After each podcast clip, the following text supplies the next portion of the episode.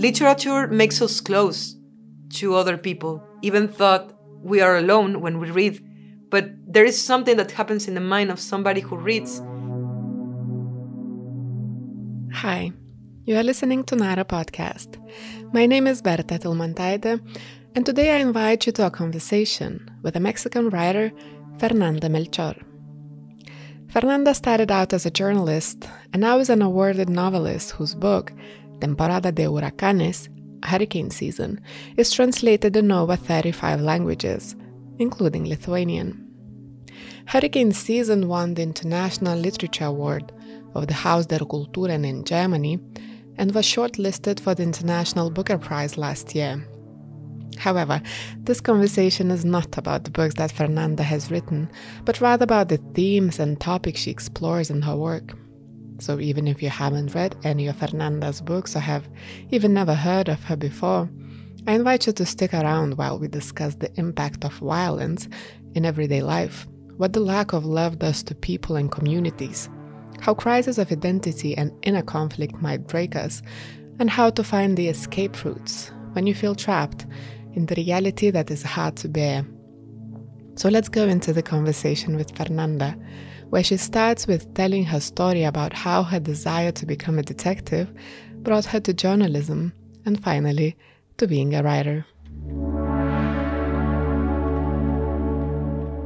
Growing up, I I was told that it was impossible to make a living uh, by being a writer I always wanted to be a writer since, since I was a child. I think I, I was fascinated by literature since a very young age. So uh, for me, it was very very important to to write, to become a writer. So I decided to pick a profession to have, you know, like a normal day job, and then I could write. And I picked journalism. Um, I was never very interested in studying literature because I felt that literature for me is a space of absolute freedom. So to go to school and study literature and having to read books um, mandatory and and uh, teachers telling me how to read them, it wasn't just it, it wasn't very appealing to me. So I chose journalism because I thought that I needed to find. Um, a profession that had to do with language because I, uh, of course, I was very interested in, in language, but also because I don't know, in my mind, it was like like the closest thing to being a detective. So I always been fascinated by um, women detectives. Uh, in, in, my case, it, it, it came from the TV and from film my fantasies growing up were to be Clarice Starling from The Silence of the Lambs or, uh, Dana Scully from The X Files. So, I, you know, I wanted to be an, F- an FBI agent and have a gun and, and stop criminals. And uh, of course, then I realized that uh, as a Mexican, you cannot be part of the FBI. and, and I thought that journalism was, uh, um, in some sort, uh, being uh, a detective, a little bit like, like it. I, I like the idea of going into the real world and exploring it and finding truths and finding stories in the in the real facts around the, the world. So I studied journalism and I never really got the chance to um, be a journalist. Um, I've of course written uh, nonfiction pieces, uh, literary ones, but of course very fact based, especially about the violence in Mexico and in, and in Veracruz, my, my hometown uh, but they were mostly freelance uh, commissions. Mm-hmm. So I've always been on the free side of the of the journalistic spectrum. I think I do it out of love for telling stories. Mm. And your your book Aquino Miami uh-huh. is also like uh-huh. journalistic. It it was my first book. Um, I mean, growing up uh, studying uh, studying journalism, I my my ambition was always to be a writer but it's hard to write a novel. I mean, mm, I didn't have much experience, and uh, the novelist job it's something that takes time. I mean, uh, you can be a young poet, I think, or you can write short stories from a young age and and and be good. But to be a novelist, you need a little bit more of life experience, and you need to read a lot of novels to find out what do you want to be? Or you can be a genius like Truman Capote and publish your first novel at 19, but that normally doesn't really happen. so um, uh, it took me a while, and in the meantime, I will I will write these nonfiction stories that are in Aquí no es Miami. Uh, it's coming. The, the English translation is coming uh, by Fitzcarraldo and New Directions, and it's going to be called "This Is Not Miami." And in "This Is Not Miami," what I did from the beginning, I start writing about Veracruz. I mean, um, I have a day job at the university. I was uh, uh, doing uh, public relationships, and I, I will, um, I will go to my job nine to five, and then afterwards I will write these stories. In that time in Veracruz, there were lots of things going on. I mean, it was the beginning of the cartel drug war, and lots of things were happening. It was the very beginning. I mean, you could see like the struggles between the cartels and the military and the government, but still it was very um, um, not not spectacular as as we seen afterwards in 2012 or 2013. I'm talking about 2008, 2009. So all around me were stories about normal people having these encounters with this with the organized crime. So I I, I had my day job. I was dying to write a novel, but I just couldn't find the time. It was so hard. And I thought that I needed to build like literary muscle, you know, like like going to the gym. Yeah. And for me, writing, uh, we call it crónicas in Spanish, but I don't think there is an equivalency Mm-hmm. uh, in in um, in English or European. It- it's like the French call it, I think, uh, literary report, uh, reportage littéraire. Mm-hmm. It's uh, like chronicles. it's yeah, it's like you you you tell a real life story, but you tell it like it's uh, with literary uh, uh, approach. tools and approach. Uh, of course, like like it is not uh, only a witness, but it's a it's a character and you build and it it has in America we have a lot of influence uh, of the new journalism like Truman Capote, Norman Mailer. Um, uh, Gay Talese, um, lots of um, like literature journalism. Mhm. of course, uh, uh, uh, Hunter S. Thompson with the Gonzo journalism. So um, I was doing that. I was telling stories about my hometown. Nobody in the press was talking about the narcos back then. It still was a little bit secret. And I just wanted to get these stories out of my system. Lots of things were happening. And especially, I was very interested in talking about the common experience of violence, like the experience of people, normal people like you and me, and how their lives got changed by this by this violence. And it was barely the beginning of the drug war. Uh, I finished this collection of um, of, of chronicles of of crónicas.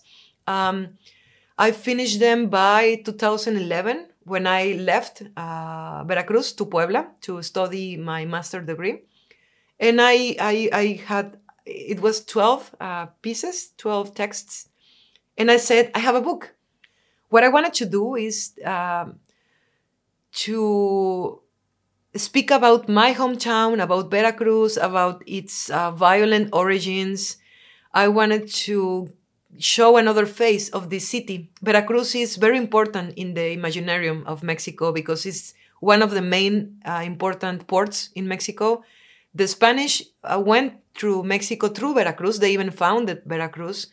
So uh, we, we normally say that everything good and bad it came through Mexico through Veracruz and even to America. You know, it was like a it's like a door, like a, a port in Mexico is puerto puerta. So it's like a like a door to everything, and it's a very special place. And normally in Mexican Imaginarium, uh, Veracruz is like this uh, place where you go to party because we have a great, uh, big, huge Mardi Gras, uh, huge carnival. It's the, se- the second biggest in, in Latin America. The first one is Brazil, and then it's uh, uh, Veracruz Carnival.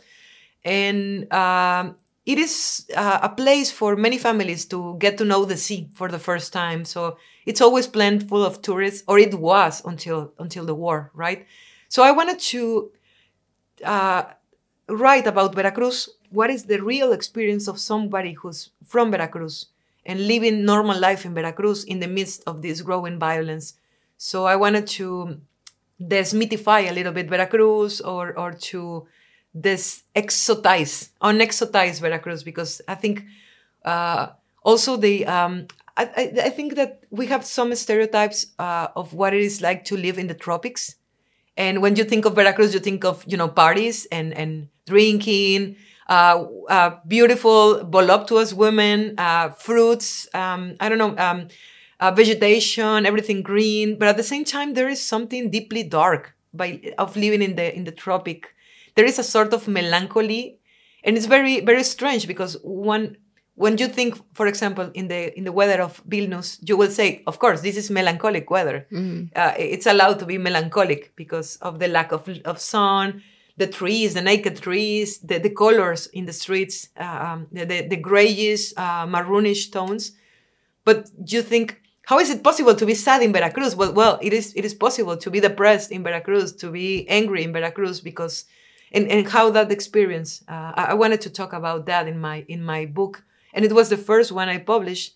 And then i was able to write my first novel as, after after mm. writing this this book of short stories so the training went well. Yeah yeah yeah the gym went well. And uh, in fact i think i think it's very important for me uh, having been a journalist um, or, or being a, a, or having that formation having that um, training. Because um, sometimes journalism gives you um, a very special conscience about the fact that you are writing for somebody always and that somebody will be reading what you are writing and that uh, you have to be very um, precise about your writing to get the attention of the reader so i think that sometimes writers that don't have um, um, a journalistic background, they will they will haven't that conscious. I, I know when you write a, a, a note or an article, if your two first phrases does don't catch the uh, the attention of the reader, the reader will just keep on, you know, passing the pages of the magazine. Yeah, scrolling now. of course, uh, or scrolling now, like uh, not interesting. Yeah, or, or even the head, like the yeah, title. The if the title is not interesting, they will even read it. And that gives you another perspective. You know that when you write fiction, you have to start in the right time with the right words and create like a like a very um, um, intense experience so so you get the attention of the reader. And also i think um, journalism when it's done the way i like to do it like very literary journalism i think it's a way of seeing.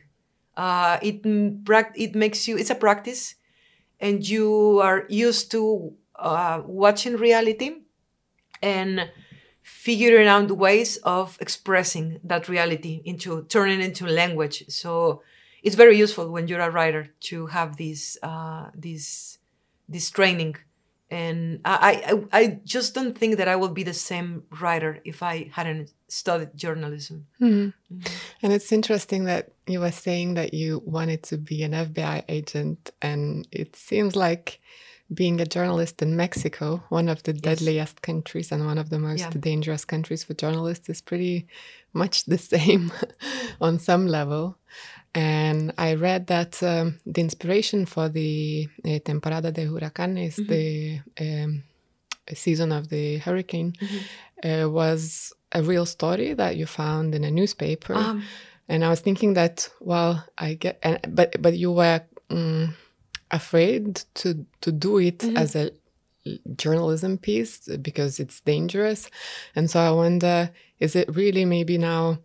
um, fiction, a way to talk about social issues and dangerous issues in some places like Mexico. Oh, okay. Yes. No, well, um, I, I, think it can be. I mean, um, it. I think my intentions about this story had changed over time because at first um, I was still working for the university when I I used to read a lot of papers because I was always trying to uh, see what what the public opinion was about the university. That was my job, you know. So I will read papers, newspapers from first to end, uh, from first page to last page, and I uh, will be very um, um, familiarized with everything that happened in Veracruz through the media, local media, of course. And one day I. Um, uh, in in, Mexi- in Mexican newspapers, it's very common to have a section wholly devoted to crime. Like uh, what happened in whatever crime happened in the city will be covered in this section, and sometimes stories will be very um, um, sordid. I mean, um, the style of nar- narration will be uh, very crude, sensationalistic, and and uh, sometimes stereotyped. Uh, it will be classist or racist or or openly misogynistic. You know, like there will be stereotypes, and and it is something that has been changing because uh, I think uh, from this uh, from starting 21st century reporters in Mexico and, and newspapers realized that there is something called human rights and they do have to comply with them. So it, before it was very, very normal to have the full name of the uh, of a suspect and that is against uh, of course the, the presumption of innocence and, and uh, it's very problematic but at that time in veracruz it was still a thing and i remember this note about uh, a person a corpse of a person who was found murdered in an irrigation canal in a small town at the outskirts of Veracruz. It will be a, a it is a beautiful place, in fact, because they grow sugar cane. Everything is very green. It's very flat, you know, and and it's it's it's super tropical. Vegetation is all around, and they found the corpse of this of this person, and the news the newspaper story said that this person was the witch of the village and um, that uh, she was she was she she was murdered because she was doing witchcraft on somebody and that person killed her in self-defense. So it, can you can see my face but I, I, it's it's it was impressive for me because even though i know that in veracruz and in mexico in general people really have um, let's say it let's say alternative beliefs. Um, uh, popular religion is very has very indigenous elements and and uh, has also an influence of African uh, roots because of slavery in the colony. And it's a very interesting mix that reminds very much like Santeria in the in the Caribbean or New Orleans uh, voodoo uh, thing. And and people really believe in that but I, I'm I'm mostly skeptic, but when I saw that in the newspaper, I thought that uh, it just shocked me how we could talk about witches and and and witchcraft in 21st century, and how come people will see that as a self defense, right? Like, I I just wonder what's behind this story. I mean, the journalist is giving one version and it's a very quick version because he has this murder today and tomorrow he will have another and a robbery and a rape and he will have he will he wouldn't give following to that case. So it's just that story and I, it just I don't know, it just shocked me and I kept the story. I I I always have a, a files. I have um, an archive of, of, of, of cases that I found disturbing or, or interesting. And this was about uh, around 2010, I think.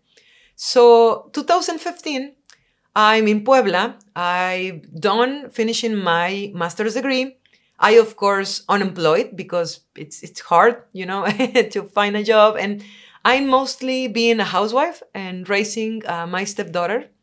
Uh, I was with a with a guy who had a daughter, and I um, was a mother to her for six years while there during that relationship. So in my free time, I will uh, think about my next book.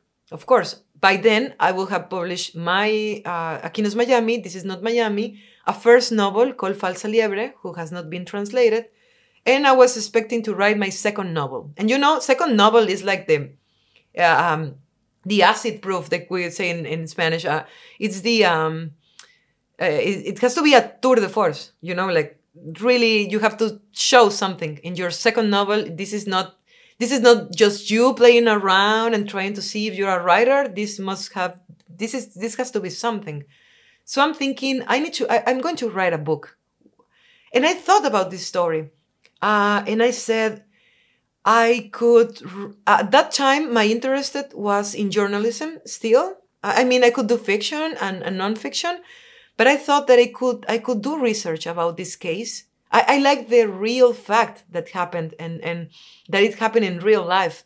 And I said, I could go to this small town in Veracruz. I could um, go to the place where they found the body, the crime scene, and I could visit and I could visit the family of the victim and I could go even to prison and interview the, the murderers and, and I will find out why they killed her and I I will do this uh, book that it will resemble um, it will be very much alike like uh, in Cold Blood by Truman Capote. I was really inspired by what Truman Capote did uh, uh with the murder of uh, of this Kansas family.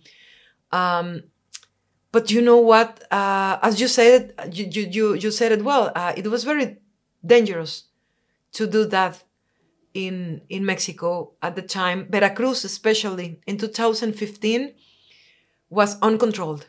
Uh, I mean, there was a total absence of state. The governor back then, Javier Duarte, is now uh, in jail. I mean, it, it was horrible. Uh, and every day they will find um, several times per week and, and they will find a new mass grave because where a, a mass grave filled with the remains of all the people who got missed, who disappeared, who who who they didn't disappear, they were disappeared because in, in Latin America that's a whole concept. You are you never disappear, you are disappeared by, by forces of the state or by organized crime.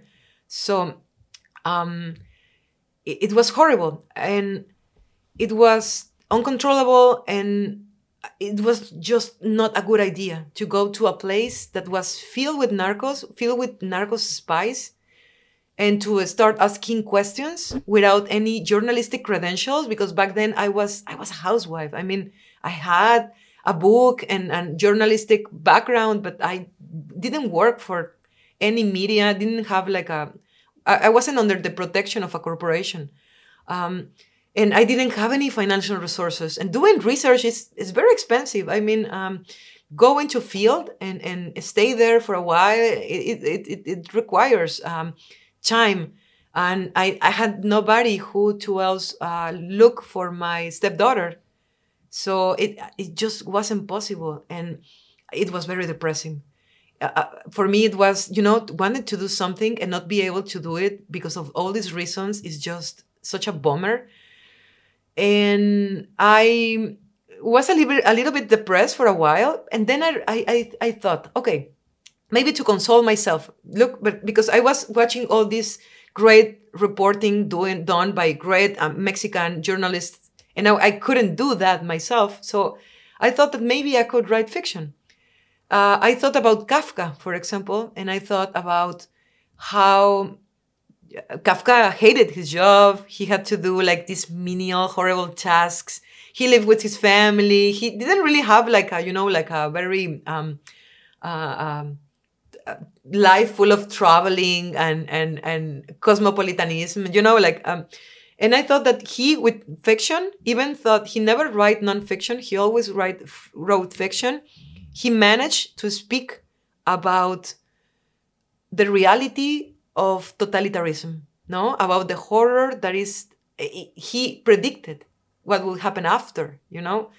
And I thought that maybe I could do that, that maybe through fiction I could reach, I, I, at the end, what I wanted to do was to explore the real story behind this, this murder, which I only knew a, a small part, but I wanted to know the real deep causes of, of this horrible crime.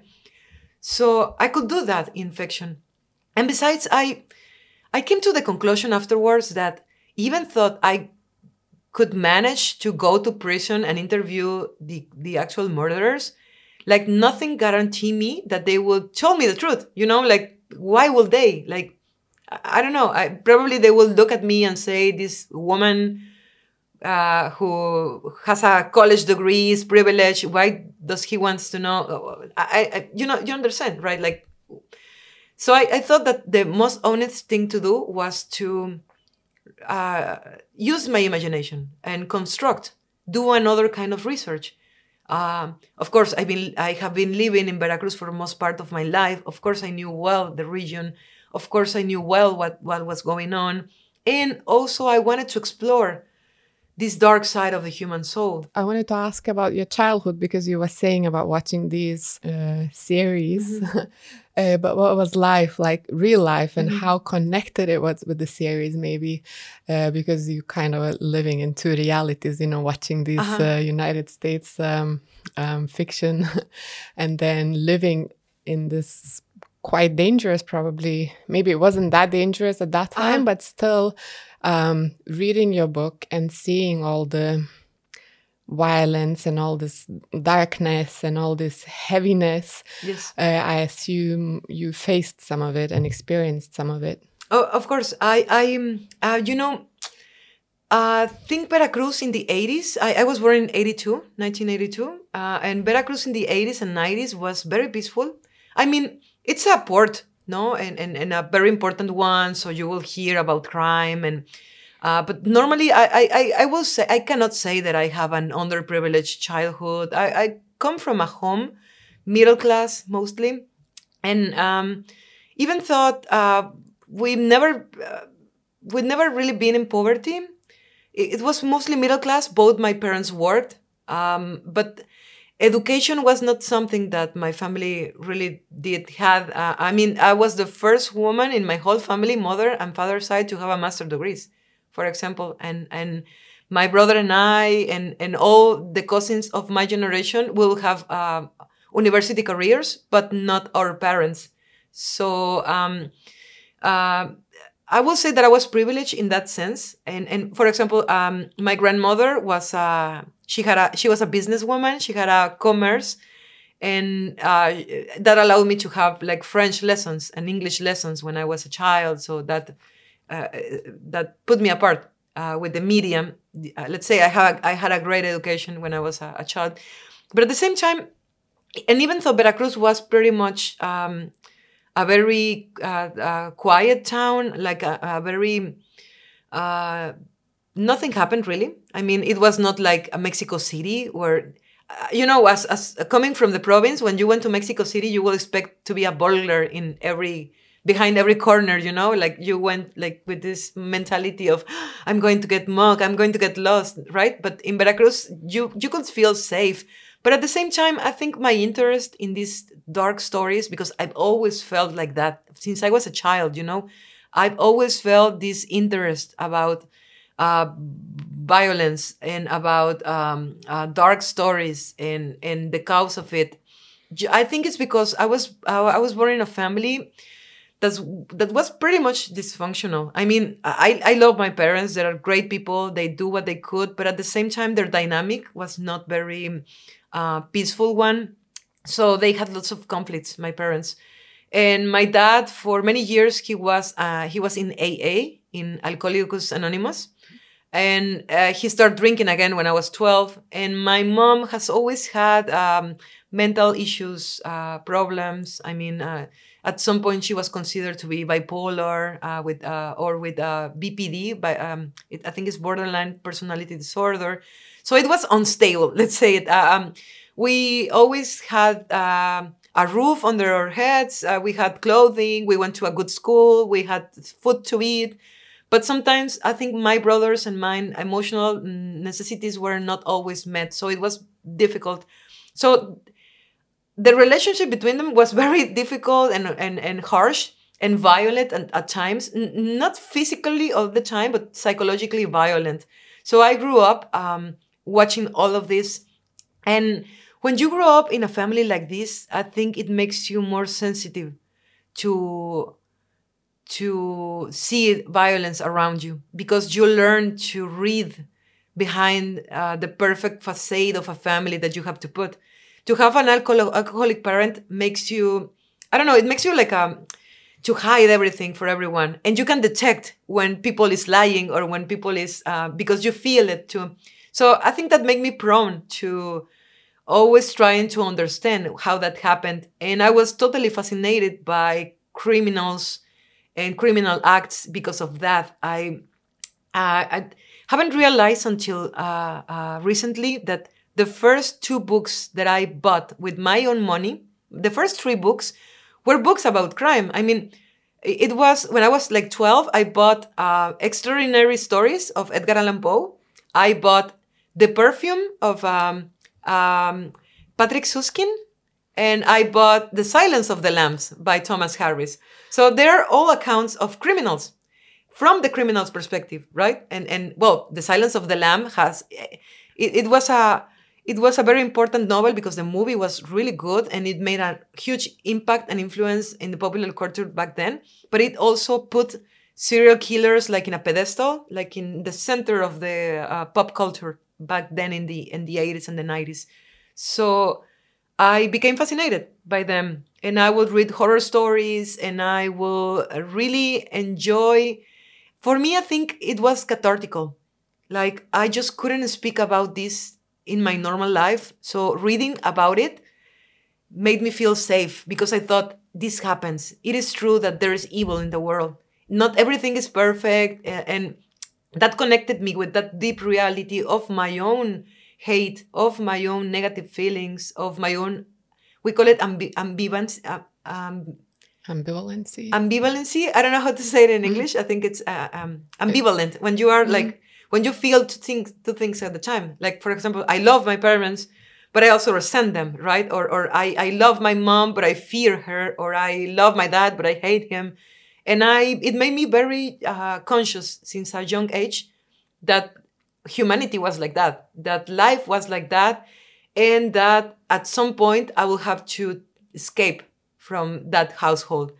So I think my books are about that. In fact, um, I will say that they are metaphors of what it is like to be trapped in a reality that's intoler- intolerable and that you want to escape, and the absolute hopelessness of of of the possibility of escape.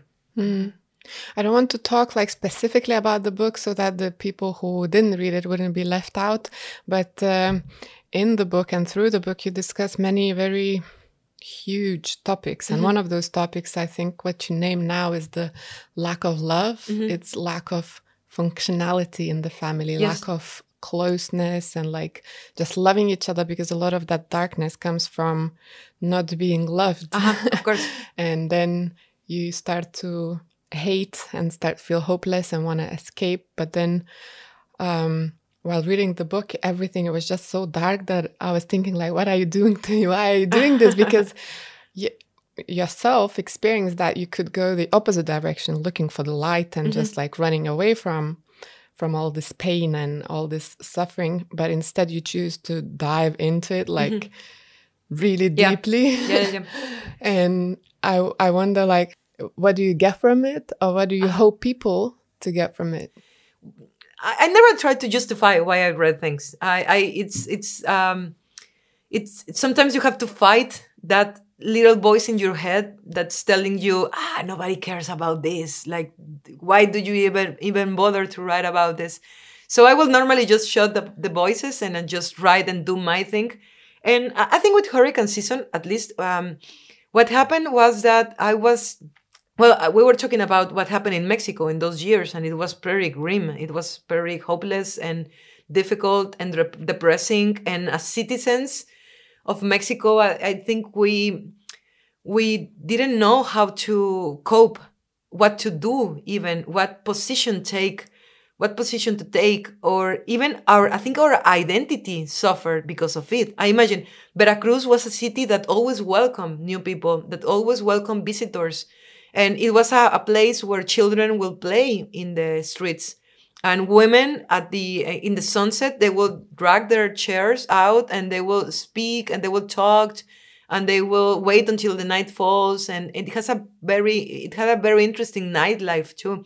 But that changed with the violence of course with the with the war eh, eh, with you know with shootings in the streets and bombs and and it, it, it just completely changed the face of the city and the identity of Me- we Mexicans. Uh, since then, we always have to um, justify, uh, like, like why do we think about the violence, or if that violence is ingrained in, like, in the Mexican nature, and that's always very difficult to explain because uh, it's it's it's as we don't think it's part of being Mexican, but at the same time we need to to acknowledge that it has something to do that there is a reason why this thing got out of control in Mexico.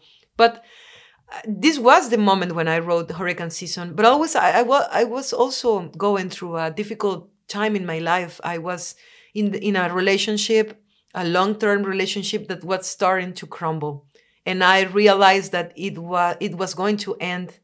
But you know, long term relationships are, hard- are hard. It is not like just say, "Well, I'm going away," and you just pack your things and. Uh, uh, uh, I had a daughter back then, my stepdaughter, and it was just hard. So I was um, in a very, very hopeless and very dark situation when I wrote Hurricane Season, and I think that really goes through there. I mean, I used, I use my love for dark stories to also um, exorcise my own fears and and hate and resentment and and fear i mean all the negative emotions that i had i put it in there and i constructed a metaphor. When you read hurricane season you know it all happens in a small town very poor and filled with misery and and people who are like survivors. They're like you know it feel it has an air like a concentration camp.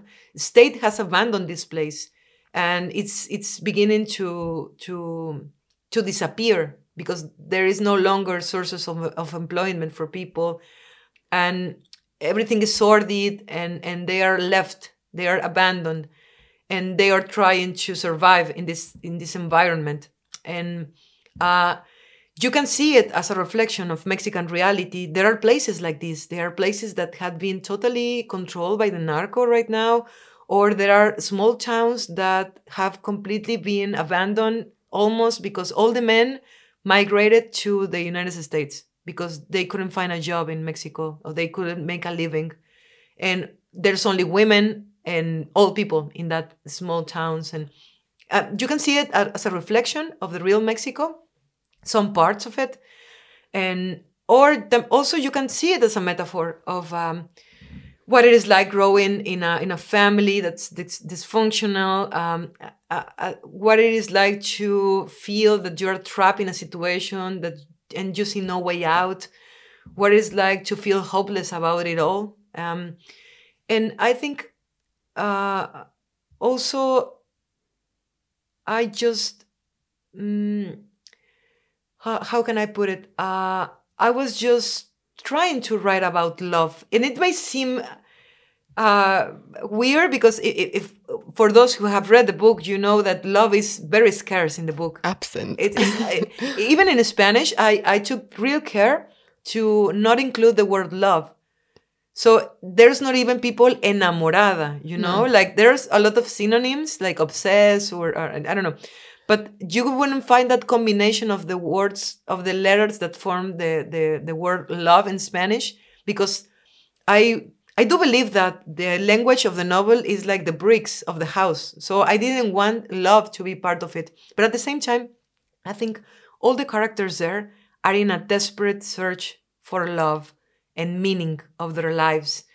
And at the end, when you think about it, hate is just the reverse of, of love. Hate is hate and resentment and violence. It's, it obeys sometimes to unrequited love, to this um, desperate need of being loved when you don't even know what love is like because you you've been uh, you never had it. It was taken away from you, or you, you never had that. The, the, the what we think is the right of a child to be loved by their mother and their father. Sometimes it doesn't really happen. So what it is like for these people to to be to want them to be loved and instead getting sexual attention about it, sexual abuse, or what it is like to love somebody and hate the love that you feel because it goes against your beliefs or it goes against what society wants from you. And I, I cannot think of anything more painful and terrible than to I don't know that to have a desire and to have to to have to revolt against against that desire because that means that you hate the core of your own self and uh, that happens with many of the characters. I mean uh, they are in search of something that it's impossible to obtain and they can see that another another possibility is possible but they cannot reach it. So it's very painful and very dramatic. Yeah, this identity crisis, uh, maybe even or this ambival- ambivalent um, uh, feeling is very present in the book. Everyone is pretty much hating kind Yes. of themselves, believing in the witchcraft, but hating the witch, uh, wanting to be loved, but hating. Of course, of course. Um, and I guess the the highest um, form of love that I saw in the book, and what made what touched me really strong was the kids who were abandoned by their parents or grand or, or were hated Mm-hmm. by their grandmother, for example, that they still loved them and Yes. they cared about them and they took care of them and they did everything to be good kids and good grandkids. Um, and I could see this also a lot in the society. It doesn't matter Mexico or Lithuania or. Lithuania that even in dysfunctional families could seek to be loved and to be approved Mm-hmm. by um, by their parents or grandparents, and that was very strong topic. Uh, I would guess in the book. I, I once I once talked to a to a therapist, and she told me that because I was thinking I was thinking that uh, we were talking about uh, uh, parental love, and I said something like, "Yeah, there's no more perfect love than that of a woman for their children," and she said, "No, there is no more perfect love than children towards the parents because they are helpless. Children doesn't, you know, they cannot." They can tolerate not being loved, but they cannot tolerate not loving their parents. And I, I- when when she said that, it hit me that it is it is a very difficult uh, um, uh, task for children in dysfunctional families to to learn to love themselves. Uh, it, it's it's it's it's it's a huge part of the book. It is it is right. It's um, but at the same time, I, I will never. I think it is a love story. Even thought I will never will tell editors to sell my books uh, like love stories because it, it is a very peculiar love stories. But I've been writing about that since I think since the beginning. For me, it's a great preoccupation, and I normally have taken the side of the um of the of the children of the child. But after my experience as a stepmother, I also get to know the other part of of uh, how difficult it is to mother, how difficult it is to care for a for a for a child, and I've been trying to write about them both, and and especially with hurricane season, I think it's it's um, I think it's also when people told me that it is a very dark book and it's a very um, a crude book and and lots of violent thing happening. I always try to defend the book by saying that there are some moments of tenderness, a few uh, very spaced out but very present that make the characters not be like horrible cari- uh, horrible cartoons of billions, but real people. And I, I also I also think that even though this story is pretty obscure, uh, you need some light to show the darkness. I mean, to show the real darkness, you need to put a little light so you can see the contrast. So there are many instances when you get to see th- th- there's always a, a child crying inside of in some way that a child that desperate for affection and that it doesn't shut up because uh, he he wants to be consoled he wants to be loved.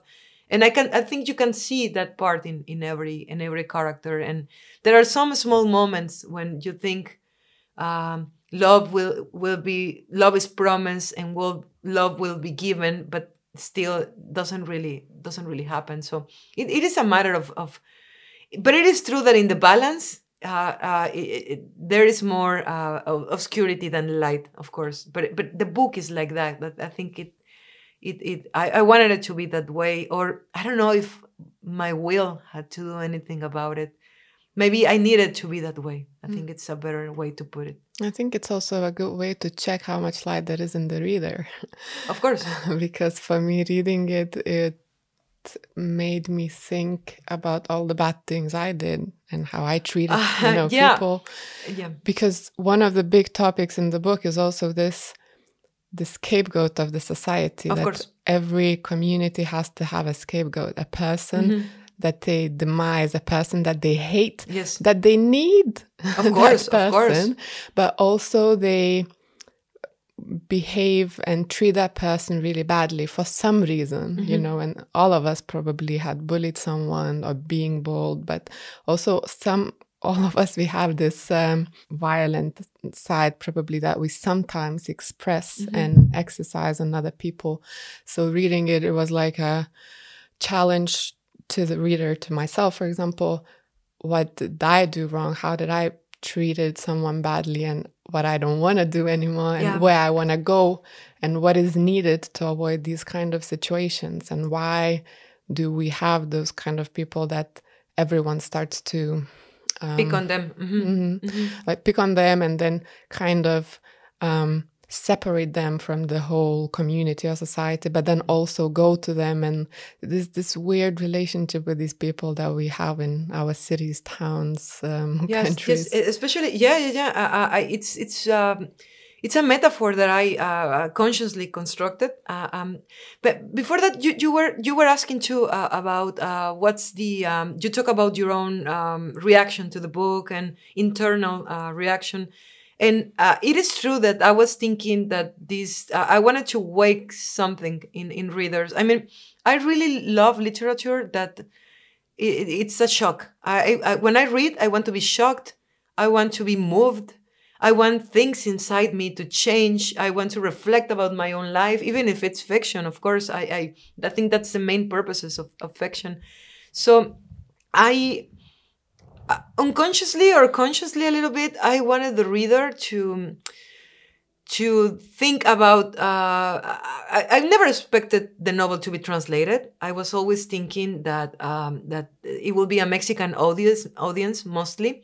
And at that time, 2015, 2016, there were there were a narrative in Mexico. There was a narrative about blaming the victim of the violence like you know blaming women for being killed and raped or blaming narco uh, related crimes and, and, and murders because of yeah they were doing something bad. They were with the bad guys. They were criminals too. Mm-hmm. like and in the book you say that of course. men only do as much to the women as they allow of course of course. Like like if women that really want she she was raped because she really wanted in the uh, it's horrible. It's a horrible discourse.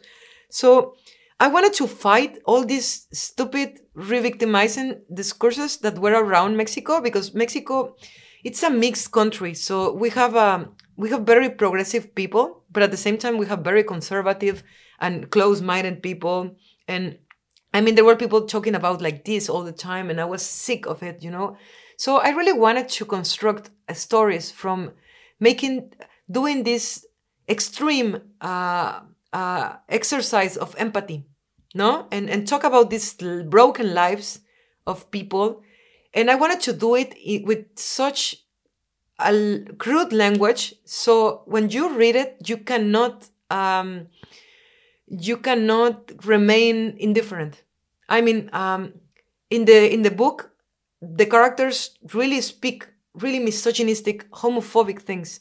But it is, it is the thing that i grew up hearing around me you know? And people really talk like that and even if they wouldn't admit they talk like that, sometimes they will think like that. And it's it is a way to confront the reader.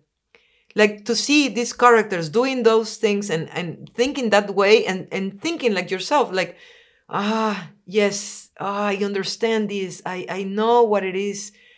And it's it's a I think it's the purpose of every fiction. I, I really did want the reader not to remain indifferent. And that's very risky because sometimes people will not like that. You know, there are people who read to um, um, believe that love is possible all the time and that life is wonderful. And this is not a book for those kind of people who want to be, you know, uh, bathed with sun and and and human uh, hope. Uh, this is a very very dark book, so it, it is not that read for everybody. Or even if you like like uh, books that uh, leave a mark, it is not a book that you can read every time. There, there's just been people who said, I'm really interested in reading Hurricane Season, but now I'm a little bit depressed, so I won't do it. And I say, that's totally your decision, and, and it's okay to do it. Um, I, I, I really enjoy that, kind of literature. I think I quoted uh, Kafka back then, and Kafka used to say that literature, books are meant to be the access that break the frozen the frozen sea of the of, of our souls. Like literature is meant to do that. It's meant to to to go deep and to mark and to leave a, a, a mark, to leave a to leave something in the in the mind of the reader. Mm-hmm. And when I was reading, and it was the hardest moments when mm-hmm. I just wanted to put it away because it was just too much. But at the same time, I wanted to continue to see. So how does this all end? Where mm-hmm. is meaning? Where is hope? What's and then I think, is it just the death that is the escape and hope, or is there something else that? Yes in these very dark moments, not only in the book, but in general in life, um, that keeps you going? What is your own, maybe, what holds you and what keeps you going? What's your mm-hmm. meaning and hope? Yeah, you know what? I, I, I um, it was not immediately after writing this book. This book was like a, like a huge catharsis, like a huge exorcism. But you know all the demons went out but they start chasing me you know? Like it was very difficult to deal with lots of emotions after writing hurricane season. It it put me in a really tough place. And i uh, uh, reinitiated a, a therapy process. I, I went to therapy and i've been in therapy ever since and i really needed that I've been in therapy my whole life, you know, I, from, you hear my background and, and, and I've always been a very sensitive child and, and I was a very difficult teenager, like very rebellious and, uh, a little bit like the characters of my books. Uh, I, I, was a troubled uh, teenager, and I've always been coming and going, uh, talking to psychologists, and not finding like an answer or um, a sufficient empathic ear uh, to my problems, and then I suddenly find find uh, help, and um, it's been it's been very very interesting. Yesterday night, I had this beautiful event in uh, Vilnius, uh, Lapai, um, and um, at the end, in this the book signing, uh, this this uh, beautiful woman came to me, young women, younger than me, and she said something like because i talk about uh, writing this book while i was in a difficult relationship and she said i'm going through people normally do that with me you know? It's because i write uh, uh about such intimate issues that people will sometimes uh, be really um, sincere with me. And she said um, I'm, I'm going through a moment like the one you told in this interview. And what can you advise me to um, how did how did she said to how can I how can I found love again? She asked me that, and I was like, how can I answer that? And you know what I thought that in the book there's a moment of hope. I, I won't say much, so the readers, uh, the the the uh, the last moments, there's these um, characters who give who give a little bit of hope. It is something tiny, but it's still a very quiet, very tender moment. And I needed to write that because I couldn't left the uh, reader with all this misery. I, I, I felt that the reader and myself and the characters and the witch, they needed this sort of uh, ending as, a, as, as to end the novel. So I, I, I did this final tender moment. And um, at the time, it was because I needed to believe that this tiny light of hope existed. And i actually find it. I i, I told this this person that mm, sometimes to to sometimes to find love again we need to stop asking love for so much you know? Like uh, i thought that in my experience uh, in the experience of the characters they put so much in love like the meaning of their lives and all their hopes and dreams is put into that and when you expect so much about love, it, it talks about an empty feeling that you are, an empty inside you. So I told her, sometimes you should not put so high expectations in love because it probably meant that you have to learn to love yourself. And she was like, you know, like I was a guru and I felt, I, I, I, no, I was very happy to be able to offer her something because sometimes I'm not the quickest person to answer. Like, I I don't do well in those kind of quizzes like tell me your be- your best author ever and I, I, get paralyzed normally but I just feel I saw her face and I thought she needed like an answer and I think it's it's uh, it's uh, something that this book gave me. All these characters are expecting so much of love. They think they will be cured by love. They will be redeemed. They will be um, uh, liberate from all. And it is not true. And, and they will never find love because they cannot love themselves, and they will have to work inside themselves 1st and, and amend all these, uh, heal all these wounds before being able to. So I became a psychologist myself, I guess, and a, and a therapist, and a life coach, and a guru after writing Hurricane Season. I really agree with what you say about love. I guess we as a humanity created so many narratives about love and how, like in Lithuania, a lot of people know about Mexico from the telenovelas. Uh-huh, of course, of so course, of know, course. There's so much love, and the love is the passionate. essence of it. That is very important. Telenovelas was a huge part of my narrative education. I mean, I wasn't not raised in a in a high culture home. Uh, my my my dad always read the newspaper, and my mom. I, I don't think he's ever read very much literature. She always reads my books. I, I have to I have to I have to concede that. But we always always were watching telenovelas in the afternoons. So for me, it's important. Love is a very important and and it's very it's, it's a great part of Mexican culture. I mean, it's even in the books. You know, um, I think um, what happens in Mexico is that we are very talkative and very cheerful people, but at the same time, there is a culture of men having to not talk about their feelings and being really close, like being really uh, close people. I think that is very similar what happens in Lithuania. Men are really not used or expected to talk about anything like feelings or things, or they just are very, very um, uh, reserved pers- people. And even though there's lots of suffering, they should not talk about it because that's what being a man is like. And in some sectors of the Mexican society, men are also too expected to be like that.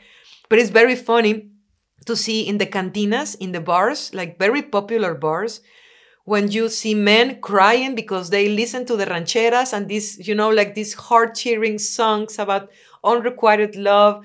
And, uh, and they will drunk, they will get drunk and cry, and that's the only uh, moment of weakness that they could show, and nobody will say anything because they are in the cantinas, and there is no woman looking at them too, and it's just impressive how music just um, sometimes for many people in Mexico, we have so corny songs, love songs. They can be really cheesy. I mean, it, it is very cursi, we say in Spanish, and because people need to feel that, and sometimes they cannot feel it directly, but they have they need music to put a name on that feeling. And mm-hmm. I think it's beautiful. I, I always put it in my books. For me, it's very important that the books have these emotional keys that music give.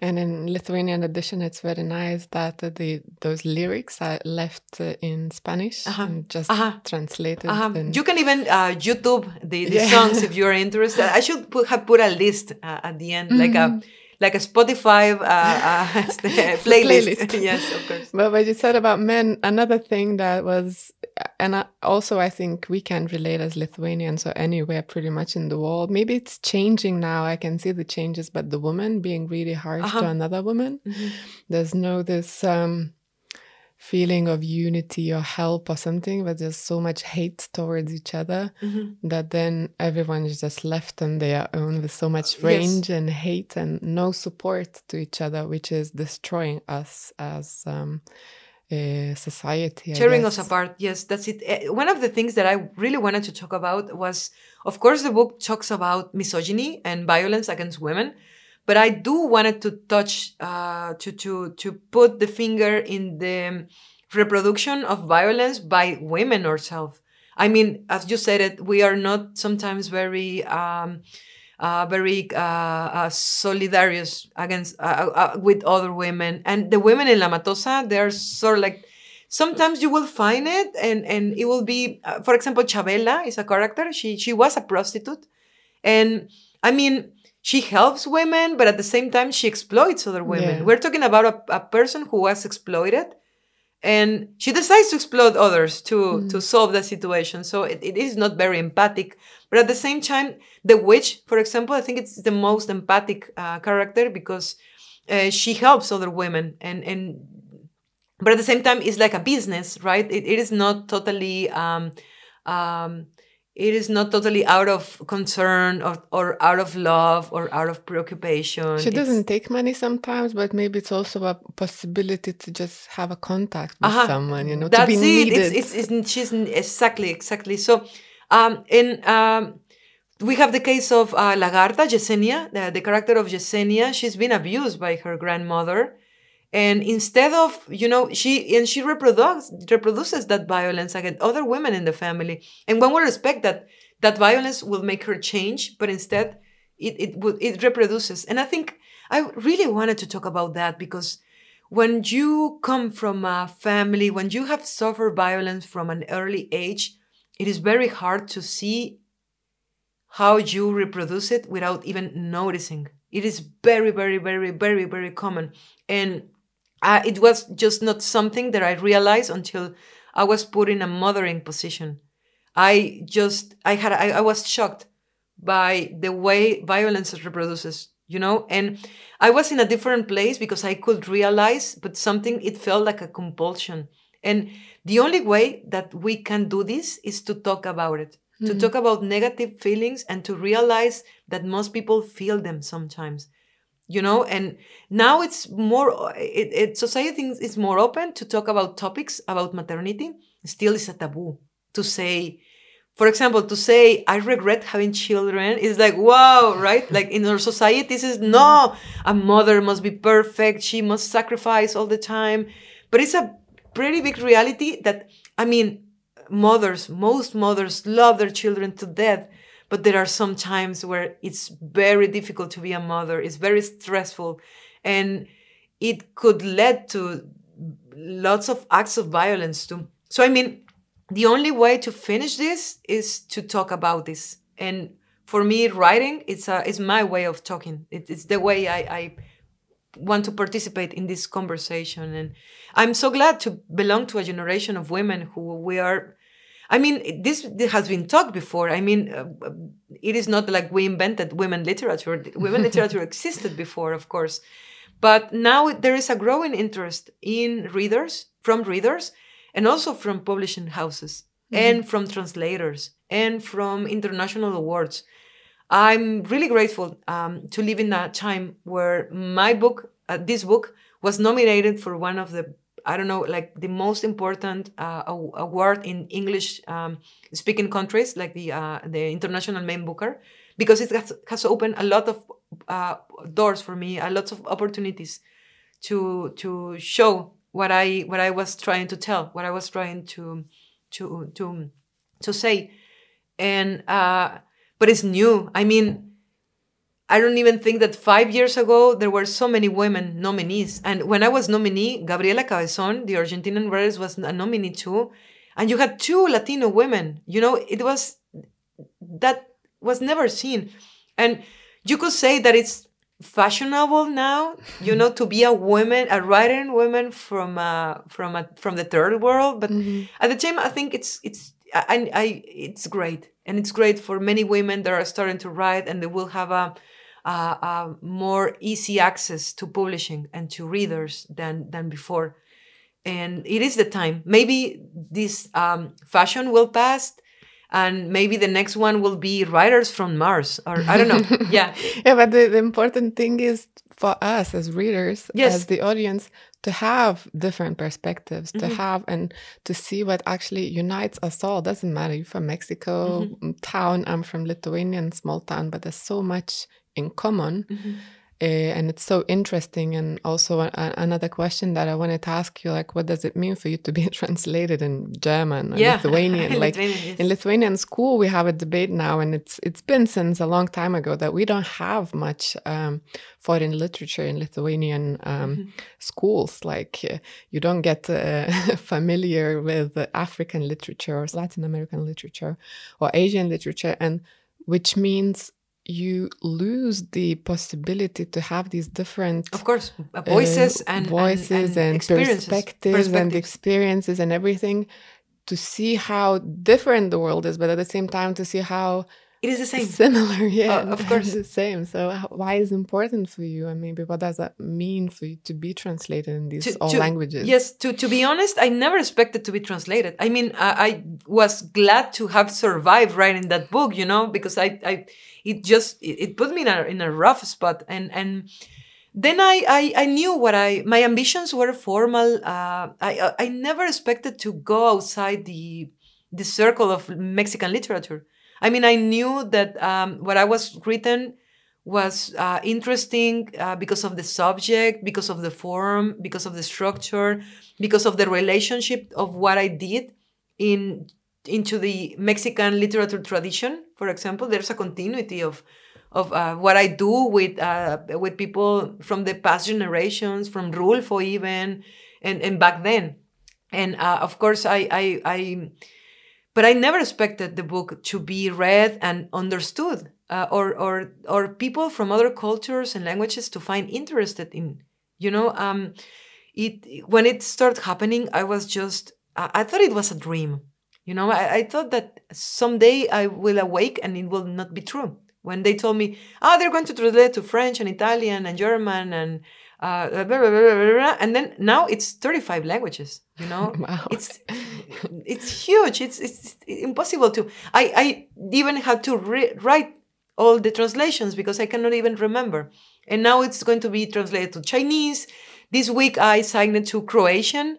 I don't even know how Croatian sounds because you know, as as sometimes Eastern Europeans don't have much idea of what happens in Mexico. It is the same.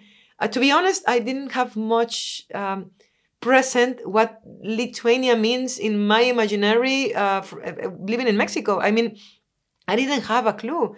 When you talk about uh, Eastern Europe to Mexico, uh, it doesn't ring. Sometimes you will think in ex-communist, but that doesn't say anything about the real reality of the nations that the Russians and the, the, the Soviet Union, you know, overpowered. You know, and and, and in a totalitarian regime. I mean, it's i i you cannot you cannot think it's the same Lithuania than Estonia than than Latvia. Of course, they're very different. Uh, uh, there are things in common too, but at, at least, but it happens the same with Latin America. I think people think of Latin America and they think it's one language. It's all the same, and it's huge difference of people, of culture, of um, of mores, of uh, costumes, of uh, everything. It's it's music. Uh, it's it's very very different. Even the faces of people change uh, a whole lot in, in in America, and I I I'm so happy to be here and to be able to talk to readers and to find out that it is true. It, it happens. Uh, there are more. We have more things in common that we think, and that is a. I think it's a. It's a very satisfying and very rich uh, uh, finding for me. Uh, um, it is. It is a very uh, nice experience to to to be that to to have that, and uh, especially considering that Lithuanian is a very difficult language. I, I haven't been I, I, before coming. I looked uh, do a little research to to you know you go to a different country you try to uh, and uh, found things in common and, and to know some things. And I, I just realized how complicated and different is is uh, Lithuanian uh, language. And I think you can understand why it's difficult or there hasn't been much interest in, in translating. I can see why uh, you will want to protect like the language. And it is also I as I understood it is not everybody has can be a has can has a literary culture in in Lithuanian because the language is very rough. So I mean it's exigente. How do you say that? Um, it's demanding. Yes. Learning a good literary Lithuanian, it's like you have to be almost a scholar, right? Like, Yes. I, I found that fascinating. You know, a little bit of that happens in Germany. German is also not a language talked in all the world, but at some point it was the the um the language of science, uh, and and it, is the language of philosophy. If you want to study Heidegger and Kant, you will have to uh, uh, study uh, German. But um, they are very jealous also with their culture, and I think I found that the exception will be Spain, but I think most countries in Europe have have a very centered literature, and don't really need uh, other literature. I mean, they consume their own literature and they are beginning to experiment with translations, but it, it has not, it, it is until very recently. And that doesn't happen in the Spanish world. as, A, Spanish language is a very, it's very open all the time to translations. And Spain has been a, a, um, a country that has uh, been uh, translating many literature from the beginning.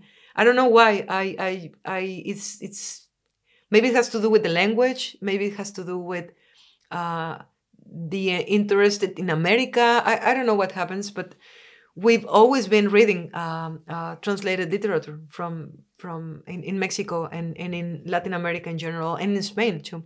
So so I think it's it's it's a good thing. Though it is, I I remember there was a time when I was beginning to write my first novel that I decided that for a year I would not read translated literature. That I will only read uh, Spanish literature. Uh, it's written in Spanish, so I could really polish my use of the language. So I could really see what language in Spanish could do. But that's important too, I think. Mm. Mm -hmm. Uh, one of the reviews that I was reading in The Guardian, um, journalist John Harrison said that um, you showed him what he needed to be faced with. Oh. uh, though even it wasn't like easy to um, to face it. So I wanted to ask, uh, how do you feel like we live in this very strange world at the moment with all the yes. social media and overload of images, videos, and stuff. And people sometimes don't want to be faced with mm -hmm. what they need to be faced. They want to escape. Yes, of course. And how do you feel as a journalist and as a writer mm -hmm. um, interested in these harsh topics? Uh, how do you feel about it? it's uh, i think it's human nature to wanting to run away from things uh, i mean it is true that life has always been difficult, but I think we have arrived to a certain point where things are beginning to rapidly change, and uh, our human nature is experimenting very uh, significant uh, uh, uh challenges and, and changes. I mean, social network, the new technologies that were that made us be able to survive this pandemic. I mean, to go to school and to work, even thought we couldn't we couldn't go to our schools and to our workplaces. Even though this technology saved our lives and make our lives better and, and makes us be able to endure this horrible situation, at the same time, they are dehumanizing us. It's uh, I, I I don't know. I, I recently read uh, this awesome book by uh, Byung Chul Han, Byung Chul Han, the uh, the, the uh, Korean German uh, philosopher. Um, his last book in Spanish was No Cosas. I don't know how they translated in. He's a he's a Korean uh, uh, from origin philosopher who. Uh, he's a he's a professor at at Berlin University, and he writes about how technology changes and how even thought it seems that we are more close to each other than ever. The fact is that the technologies uh, make everything even, and we are losing the capacity to to communicate with the other.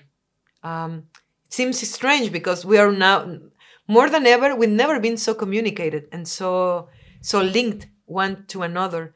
But at the same time, this, this form of communication turned human interaction into a pale simulacrum of interaction. So I think everybody has been exploring that. You know, you you do a Zoom meeting, and it's not the same as meeting a person. It is. It will never be the same. Um, it sort of flattens your attention. Uh, it's now I've been reading that it's uh, now a problem that. Uh, Plastic surgeons have received many consultation of women and men who are so used to watching their faces in Zoom calls that they began to see, you know, like uh, wrinkles and and and you know patches, and they see so this figure now.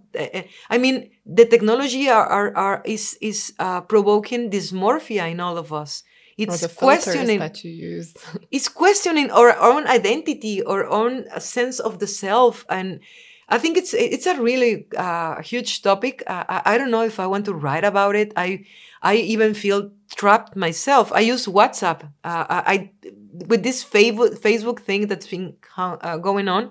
I am totally horrified about how fake news are uh, communicated all the time and and reproduced. And I, I, see my mom, my mom who got vaccinated, but she always uh, shares uh, like this news, this anti-vaccine news, because she cannot tell because of her education. She cannot tell what's true from what's fake, and I I'm always impressed about these facts. And we have come to a moment where things will have to change because we are uh, rapidly approaching a state where as humanity as we know it will will will change. And at the same time there are people who are left totally outside of this. Like mm. millions of people in this earth that doesn't have an access to a computer and that are being left of this uh, super communicated uh, technology world.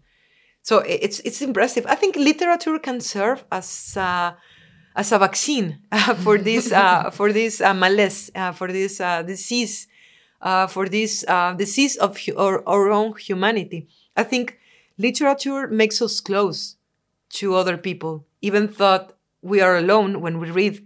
But there is something that happens in the mind of somebody who reads. You said it yourself. It makes you have another perspective. It makes you hear other voices. And it is not the same uh, as, as, as reading Facebook or Twitter.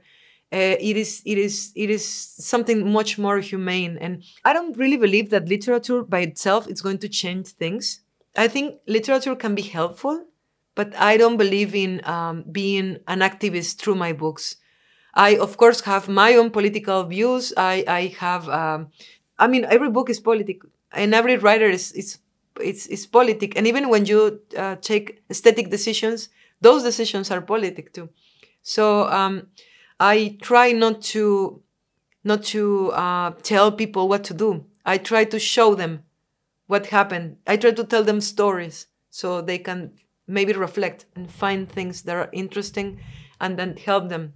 I, I mean, literature should not be uh, a, a, a giver of, of answers.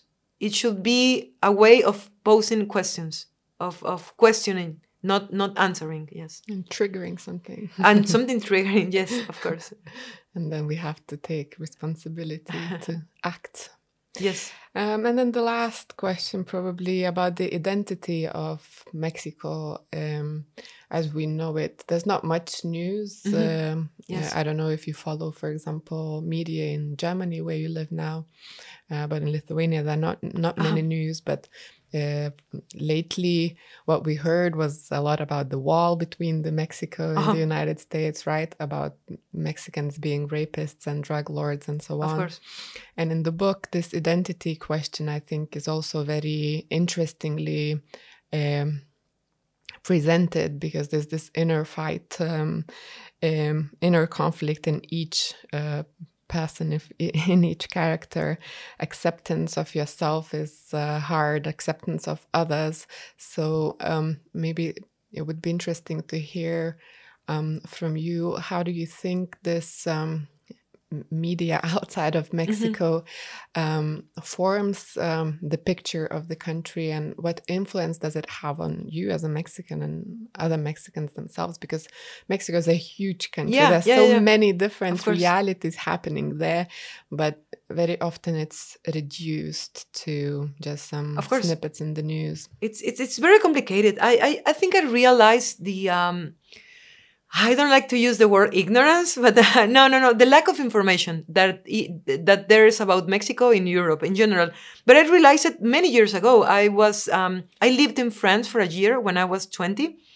I did my Erasmus, my the third year of my college uh, uh, uh studies. I did it in France, in a, in Rennes, in a in a city in the in the uh, Britain, the French Britain, and. Um, I was just amazed how everybody totally uh, uh, ignored what what it was Mexico, and even thought in 2004 when I was there, the violence was not like very outrageous and spectacular. I mean, uh, Las Muertas de Juarez, you know, these femicides in Ciudad Juarez were sort of known, but still Mexico was like a place where you go to have vacations, no? And, and, and, and they would have like these stereotypes about the Mexicans. And I was very impressed, but it was about Latin America in general. And in the news, you will hear, of course, news about Middle East. That that is very always has been like uh, very uh, something uh, Europeans are interested, and it will be sometimes Africa because of the colonial past and uh, some uh, I think some guilt, especially from the uh, colony uh, countries, France, uh, uh, Spain, Germany. They will have this um, sort of I think guilt, like white guilt about what they did, and they also had a huge responsibility of of some of the biggest problems in Africa were caused by colonialism. The same in America, of course, but um, so it was very very strange i mean it happens a little bit in, um, in latin america with africa we are very ignorant about african reality so we are always looking up to what happens in the united states we uh, sort of know what happens in europe a little bit occidental western europe always because eastern europe is totally uh, un- uh, unknown to. But africa is like a, we, we have huge stereotypes about african cities and people too. I, I think that's normal. It just doesn't it's harder to get information. And even though it seems that there are no excuses for not having information, still, regular normal people will have like these uh, big uh, holes of information. So uh, it is sometimes hard because what you in, in Europe, what you hear in the media about Mexico is always related to violence. And then here comes this woman with this book about violence, hurricane season. And of course it's expected, right? And and I have always to remind people that, as you said it yourself very well, um, there is it's very Mexico is very complex. It is not one society. It, it, it is it, it, it is not the same to live in the north, to live in the center, to live in the southeast. It is not the same being a middle class man than to be an indigenous woman, very poor from Chiapas, or to be a, a, professional in Monterrey who speaks English and who earns in dollars, for example. I, I, don't know. Or to be a woman in Veracruz who's trying to write books. It is it's, it's, it's a huge country. And life can be really different in different social uh, uh, uh, classes. So, but it is true that violence is an experience, especially in the 21st century, that is very common in Mexico. So you even thought you could be an upper class woman, you will experience some some violence uh, also in your in your daily life just because being a woman. So I will say if people are interested, I think literature it's a good way of getting to know a country and the different sides and faces of a country uh, uh, without having to read the news and and and I think literature is a, is the better way for for understanding what happens and what it is Mexico and how me- we Mexicans are dealing with on, on with on our identity. Mm-hmm. Could you recommend maybe some authors and books? Um, yes, uh, uh, uh, I, I don't know if, if, they are being translated in, into Lithuanian, but for example, English, um, I would recommend strongly, um, of course, uh, Mariana Enriquez. she's an Argentinian writer about Mexico, I would recommend, uh, for example, Jazmina Barrera. I will recommend Valeria Luiselli too. Uh, she's a, a, writer that uh, she writes in English even, uh, uh, but she talks about uh, some things that are important. I think I can recommend, um, of course, Pilar Quintana in Colombia. Um, for Mexico, Antonio Ortuño and Emiliano Monge are, are really talking about what happens in Mexico. Luis Jorge Boone, Carlos Velázquez, David Toscana. I mean, there are a great number of, of uh, Mexican authors that you can find, uh, uh, and they uh, even thought sometimes they will. Um, uh, for example, Mariana Enriquez, she writes horror stories, but it is super interesting how, even though she she writes this gender, she she talks about the reality of social life in Argentina, and and I think it's very very interesting, and readers will really like it. Okay. Thank you very much. No, thank you, thank you. Gracias. It's Berta, it's been a very a very interesting conversation. Thank you. Gracias. Ah, mucho gusto. Gracias. Me pareció que... Sí. Sí, sí, sí.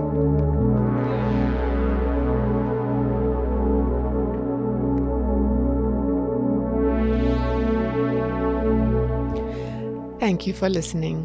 Please share this episode with those who might be interested. I invite you to visit our website nara.lt slash en, where you will find some links to Fernanda's books, recommended readings, and also the portraits I took of her after our conversation. Special thanks goes to Viktoras Urbaitis, also known as Teatre or Intuitia, who allowed us to use his music for this episode. You can listen to Victora's music on Spotify or buy it on the Bandcamp platform. You can also support our work on the Patreon platform. The address is patreon.com slash naralt.